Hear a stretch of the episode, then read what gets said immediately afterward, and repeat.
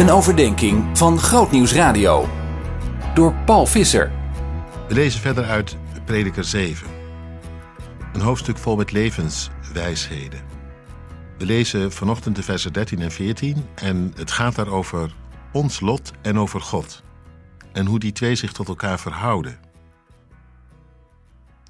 De eerste overdenking vanochtend is vooral gericht op het lot, ons lot. De tweede overdenking vanochtend zal meer gaan over God. In al, in al onze omstandigheden. Laten we het maar gewoon eens even lezen wat er staat. Bezie het werk van God. Wie maakt recht wat hij krom heeft gemaakt? Geniet dus op de goede dagen van het goede, maar zie op de slechte dagen in dat God naast de goede ook slechte dagen heeft gemaakt. Geen mens kan in de toekomst zien. Nou, dat klinkt wel fatalistisch, vind je niet? Het leven komt zoals het komen moet, met zijn mooie en moeilijke dagen. En daar valt niks tegen te doen. Je hebt het maar te nemen zoals het is. Want, zo staat hier, wie kan recht maken wat God krom gemaakt heeft? Ik denk aan uh, mijn jeugd. Wij wonen toen in een streek waar mensen nog wel eens zeiden: Het zijn geen mensen die het je aandoen. Met andere woorden, het komt bij God vandaan. Verzet heeft geen zin. Je moet je er maar naar schikken. Of iets uh, beter, vromer gezegd, leren zeggen: Uw wil geschieden. Alsof Jezus dat gebed ooit voor die situaties heeft gegeven. Maar goed, over dat laatste gaat het nu niet. Ik denk dat dat gebed een hele andere bedoeling heeft. Maar intussen, ja, de prediker zegt het toch maar. Leg je erbij neer bij het leven zoals het zich aandient. En geniet vooral dan op de mooie dagen van het goede. Ja, dat ook. Bedenk intussen dat dat niet het een en al is. Er ook zomaar kwade dagen zich kunnen aandienen. Dus blijf een beetje met beide benen op de grond. En besef dat je er niet voor wordt behoed, ook al gaat het je nu goed, dat je er niet voor wordt behoed, dat het ook zomaar morgen of overmorgen anders kan gaan. Want die dagen horen er ook bij. Hij zegt het zelfs, ja, op een wat aparte manier, ook die heeft God gemaakt. Dat moet je vooral horen um, in die Oosterse wereld, waarin niet zo heel precies als in de Westerse wereld uh, geanalyseerd wordt hoe dat nu zit. Of het nu wel of niet bij God vandaan komt. Hij heeft zoiets van. Uiteindelijk heb je het leven zelf niet in de hand. Is er één die veel groter is dan jij? En ja, goede dagen worden je gegeven, maar uh, de, aan de kwade dagen ontkom je niet. Nou ja,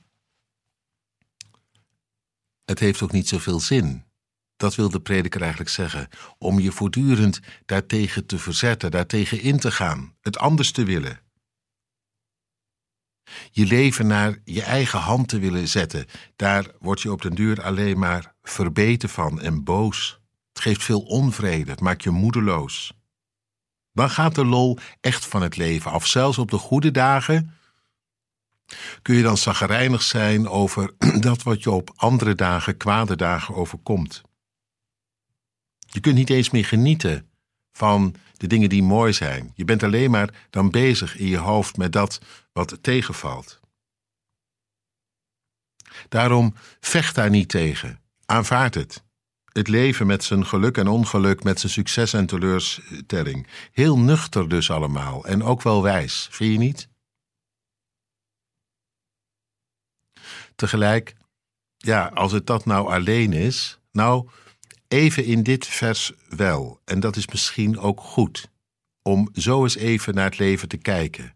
Ik heb in Amsterdam in ieder geval veel mensen ontmoet die niet zoveel hadden met God, maar wel met deze nuchterheid naar het leven konden kijken. Ook naar de kwade dagen, ook naar de moeilijke momenten.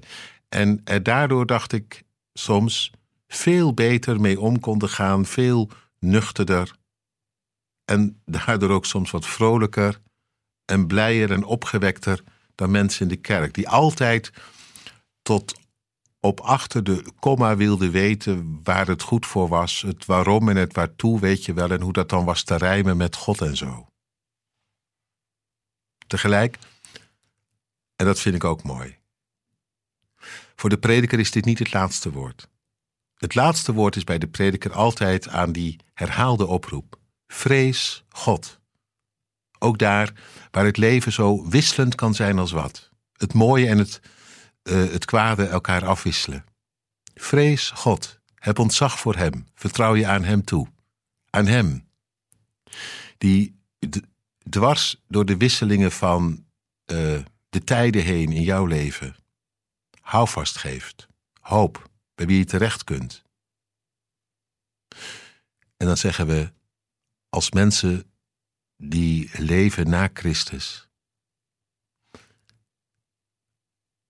dat wij in Hem meer dan overwinnaars zijn, gered, behouden, de toekomst tegemoet mogen leven, toch net iets meer dan wat hier staat.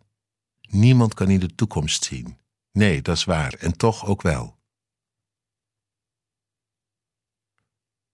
Want in Christus zijn we al in de hemel gezet. Dat is de toekomst die wacht. Zien in nog een podcast? Luister naar Bij Jorike, de podcast, via grootnieuwsradio.nl/podcast.